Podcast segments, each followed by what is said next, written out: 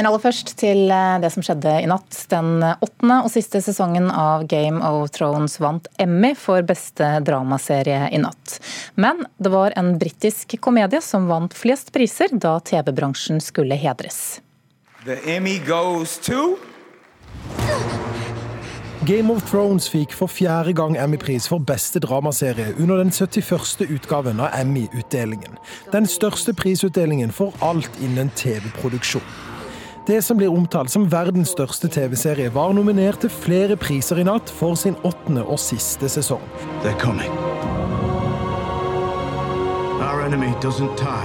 Men det var i tillegg til den gjeveste prisen av dem alle, kun skuespiller Peter Dinklage som vant for sin tolkning av Tyrion Lannister.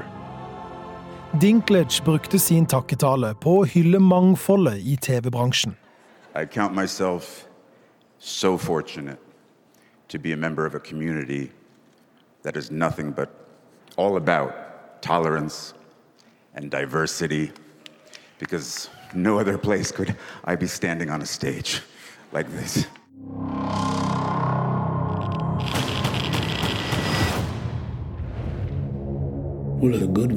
Miniserien Tsjernobyl om den fatale kjernekraftulykken i 1986 vant tre priser under nattens utdeling. Både beste miniserie, beste regi og beste manus gikk til det historiske dramaet. There's a sane world. There was nothing sane about Chernobyl. You know that feeling when a guy you like sends you a text at two o'clock on a Tuesday night asking if he can come and find you? Men serien som vant flest priser i natt, var komediedramaet Fleabag. Laget og spilt av britiske Phoebe Waller-Bridge, kvinnen som blir omtalt som hun som har forandret TV-komedien på lik linje som Ricky Gervais gjorde med The Office på starten av 2000-tallet. Serien vant for beste komiserie, beste kvinnelige hovedrolle i komiserie, beste regi for komiserie og beste manus for komiserie. Oh my God. Um, thank you so much. Um, I'm really shaking. Um, yeah, it's just really wonderful that, uh, to know and reassuring that a um, dirty, pervy, angry, uh, messed up woman can make it to the Emmys. So uh, thank you so much. thank you. Reporter her, det var Christian eh, Ingebretsen. Sigurd Vik i Filmpolitiet her i NRK, du har fulgt eh, Emmy-utdelingen i natt og holder koken fortsatt. Ble det en festforestilling, dette Emmy-showet i natt? Sjølve Selve showet var kanskje ikke så mye fest. Det var uten vert i år, noe som gjorde at det var litt tamt og, og mangla kanskje den eh, showmanshipen som har prega de beste showene. Men eh, spenninga på prisene var god, og presenteringa var god, og så var det mange gledelige overraskelser blant de som stakk av med de gjeve Emmy-statuettene. Ja, hvilke da? Nei, Fleabag var jo den store gledelige overraskelsen. Det er en komiserie som har begeistra kritikere, også her i NRK. Eh, og det at den fikk ikke bare prisen for beste komiserie, men også tre andre priser, eh, det var veldig artig. Og den har virkelig da fått markere seg som en komiserie som nå kommer til å få et mye større publikum, eh, noe vi syns er veldig gledelig. Samtidig så var det gode konkurrenter den kjempa imot. The Marvelous Mrs. Maisel, som også er Amazon Prime-serie, akkurat som Fleabag, vant i fjor og var en favoritt nå. Og så var det jo Veep, da, den her eh, komiserien fra HBO som har vunnet år etter år etter år etter år. Eh, som da var kanskje forventa å vinne, fordi det var den siste sesongen denne gangen. Og Julia Louise Dreyfus, kjent som bl.a. Elaine da, fra Seinfeld, var venta å kanskje eh, vinne for beste skuespillerinne. Hun har liksom vært Emmy-dronninga, men der tok Fleabag og vant i begge kategoriene. Det var også siste sesong nå for Game of Thrones. De fikk vel den gjeveste prisen i natt, må vi kunne si. Var det fortjent? Ja, jeg syns det. Altså, det var jo en finalesesong som splitta fansen når det gjelder om de var fornøyd eller ikke, men altså om handlinga Det skal nå få fansen få lov til å mene det de vil om at det her er den største dramaserien og kvalitetsmessig noe av det fremste vi har sett på TV noen gang. Det er det liten tvil om. Det her er storbudsjetts-TV og et kulturelt fenomen som har rulla og gått nå i åtte sesonger. Alle åtte sesongene nominert for Emmy for beste dramaserie. De fire siste gangene har de også vunnet, så jeg syns det her var en fortjent finaleseier til Game of Thrones i et år hvor de andre var veldig positivt, gledelig spredd og variert, men hvor de kanskje ikke var den helt store konkurrenten når det gjelder størrelse på serie. Game of Thrones var i en særstilling den største. Mm. Men Interessen for TV-serier er jo blitt eh, større de siste årene. Betyr det også at juryen har mye mer å velge mellom? Ja, de har uh, eh, skaffa seg sjøl mye mer å velge imellom. hvert fall Hvis man ser sånn fem-seks år tilbake på Emmy, så var det mer prega av de store, tunge seermagnetene i nettverks-USA. Altså Modern Family og Big Bang Theory kunne dominere på nominasjonssida på komiserier. Og så var det ofte en Homeland, en Madman, en Breaking Bad, en House of Cards som gikk igjen år etter år etter år. Men de siste årene så har det vært stor variasjon. Flere nykomlinger som har kommet, og en større nysgjerrighet og en større vilje til å belønne nye og spennende ting. Noe som Fleabag er et eksempel på, og som Marvelous Mrs. Maisel var et eksempel på tidligere. Og kanskje The Handmaid's Tale som fikk sneke seg inn med en uh, dramaseier det året Game of Thrones hadde en liten pause. Hvordan var kvelden da for eh, promoavdelingene i de ulike selskapene? Jeg tror HBO og Amazon er de to selskapene som er mest fornøyd. De fikk henholdsvis ni da, til HBO og syv til Amazon Prime, eh, så de er godt fornøyd med reklameverdien seriene deres har gitt eh, moderselskapene. Og så er nok Netflix med kun fire Emmy-priser ikke sånn superfornøyd med aftenen, vil jeg tro. Men eh, det brygger jo opp til, til TV-krig, spesielt da i USA. Disney kommer med egen strømmetjeneste nå i løpet av året, og Apple TV Pluss kommer. Så det å slå fra seg på Emmy er nok en veldig ettertrakta ting. Sigurd Vik, takk for at du var med her i Nyhetsmorgen påvirkere. De som markedsfører produkter i sosiale medier, får nye regler å følge i dag. Reglene for reklame skal hindre kroppspress hos barn og unge. I tillegg kommer det en ordning for at brudd på reglene kan straffes. Det er Annonsørforeningen og Mediebedriftenes Landsforening som står bak dette, og Wenche Jacobsen i Annonsørforeningen har tro på at dette kommer til å fungere. Vi har laget regler Eh, for influensermarkedsføring som handler om eh, kosttilskudd og kosmetiske inngrep og lignende. Det sier Wenche Jacobsen. Hun er prosjektdirektør i Annonsørforeningen ANFO. Ved siden av henne sitter Geir Engen, fagdirektør i Mediebedriftenes Landsforening, MBL. Og foran dem ligger tre hefter med papirer. I det ene så står de nye etiske retningslinjene for markedsføring fra påvirkere om visse varer og tjenester overfor barn og unge. De er laget med tanke på Å unngå kroppspress og utseendemisnøye. Det var først Forbrukertilsynet og Medietilsynet som laget etiske regler mot kroppspress for påvirkere. Disse har nå Anfo, MBL, nettverkene som påvirkerne er tilknyttet og representanter for annonsørene jobbet videre med de siste året. I reglene som presenteres i dag, heter det at markedsføring fra påvirkere av visse varer og tjenester med budskap som kan føre til misnøye med kropp eller utseende hos barn og unge, skal unngås. Et viktig premiss i den, i den jobben her er at vi skal, vi skal, det vi lager etiske retningslinjer for, er jo de kommersielle budskapene. Det har vært en litt sånn misforståelse tidligere at noen har ment at vi skulle inn og kunne uttale oss om hva influensere som sådan skulle kunne uttale seg om. Det er det da ikke. Det er kun de kommersielle budskapene. Publikum vil få mulighet til å klage inn reklame de mener bryter med dette prinsippet. Da vil et utvalg vurdere klagen, om det er brudd, så vil det få sanksjonen som Engen kaller for name and shame. Det vil gå ut pressemeldinger fra oss som sier at vi har behandla saka.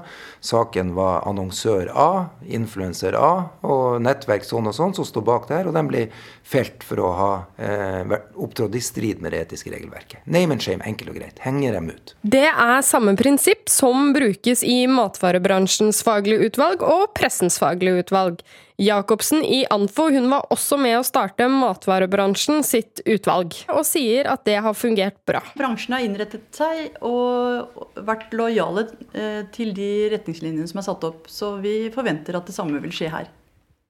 Reporter Maiken Svendsen, og du kan lese mer om dette på nrk.no. Etter en rekke grove voldssaker har politiet i Grenland i Telemark nå fått en slutt på arrangerte slåsskamper blant ungdom der videoopptak av slåssingen blir lagt ut på internett. Politiet bestemte seg for å anmelde alle saker og beslagla telefonene til ungdommene for å sikre bevis. Og det var svært effektivt, sier Ragnar Steffensen, leder av forebyggende enhet hos politiet i Grenland. Noen av ungdommene, det, er jo det, største, det var jo det verste problemet. At de ble tatt for slåssing var ikke så ille så at de mista telefonen. Så det var jo et forferdelig mas om at de skulle ha telefonene tilbake. Men eh, når gjenstandene er brukt til straffbare forhold, så kan vi ta beslag i de og dra de inn. Det var etter en heftig sommer og høst i fjor det blei laga en egen strategi for å få bukt med de økende slåsskampene. SLT-koordinator i Skien, Frøydis Straume, sier dette var helt nødvendig. Det var grå, veldig grov vold når det er 30-40 publikummere med hver sin eh, mobil som filmer, så sparker man selv om vedkommende ligger nede. Politi og barnevern samarbeida på tvers i Skien, Porsgrunn og Bamble, og egne team oppsøkte samlingssteder og arrangementer for ungdom. De reagerte raskt, og nyheten om at mobiler blei beslaglagt, spredte seg kjapt. Det var vel en noe som skapte en veldig rask endring når eh, ungdom eh, spredde seg imellom at noen hadde fått beslaglagt mobilen. Da, det stoppa veldig fort Eh, det som handler om å stå og være publikum, og filme at andre ungdommer eh, slåss og gjør hverandre vondt. Konfliktrådet har blitt kobla inn i flere saker.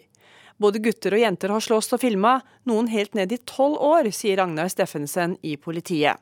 Ja, det har vært uh, folk som har filma, og det er folk som har vært slåss som har vært tolv år.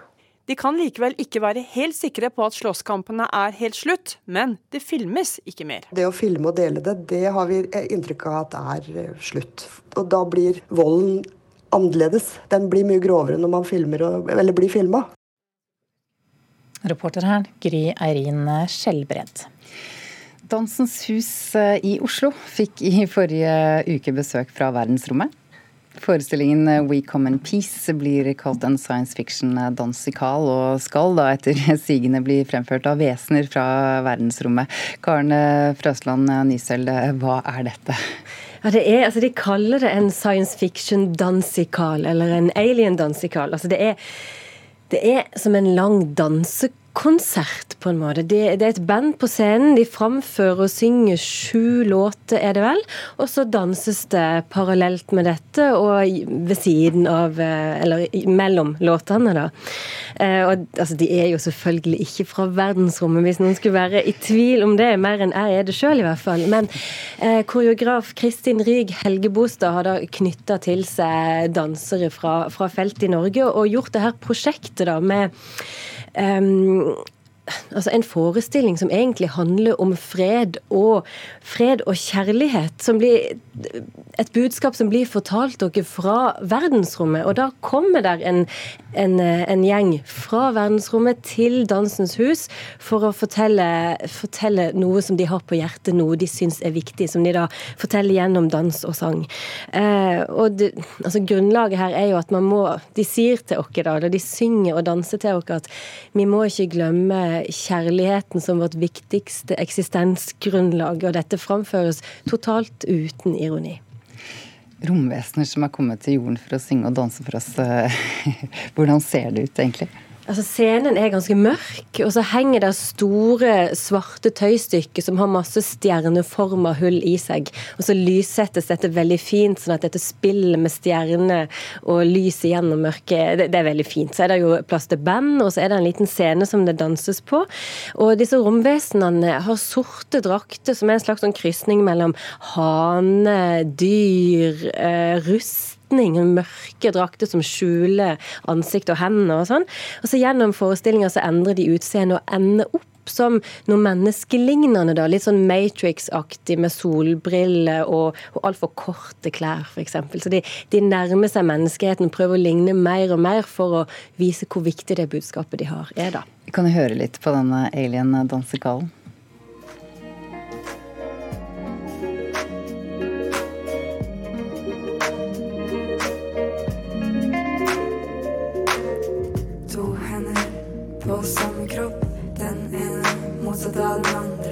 At du har én, tyder på at du har to, to sider av samme sak.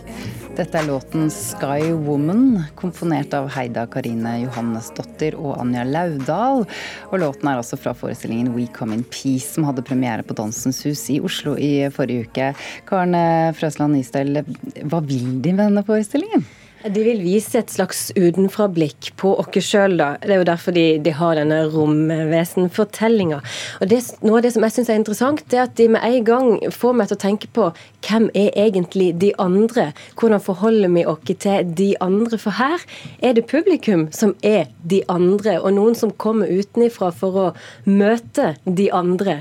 Og hvordan gjør de det? Ikke med maktdemonstrasjon eller svære parader, men med, med vennlighet, med et budskap om om fred, om kjærlighet. og, og på en måte ved å nærme seg da menneskeheten. Det, det, er ganske interessant. Det setter i gang veldig mye. Du sier det uten ironi. Ja. Betyr det at det er naivt, eller? Det er, nei, det, det, det syns jeg ikke det er. Men det er ganske sjeldent at vi får servert tekster som, som ikke vi kan putte i noe sånn filter. Sant? Altså Når de synger 'Vi trenger kjærlighet'. Uten kjærlighet blir vi svake og utviska. Uten mister vi motet. Og gjennom sju låter har tekster av denne typen som går rett til deg, de ser rett på deg når de synger. Eh, så, så jeg sitter og klyper meg i armen sant, og tenker tuller de? Men så gjør de ikke det. Dette er liksom uten filter fra meg til deg. Fungerer det? Ja, altså, det syns er det en god forestilling? Ja, det er en veldig god forestilling. Blant annet fordi når de velger denne å bare kvitte seg med ironien, så kvitter de seg med mange andre følelser av typen skam og sarkasme og alt annet. Og så åpner det opp noe i meg som tilhører. Så er det veldig fint gjort. Eh, og dette er absolutt en god forestilling. Takk, teaterkritiker Karen Frøsland Nystøl.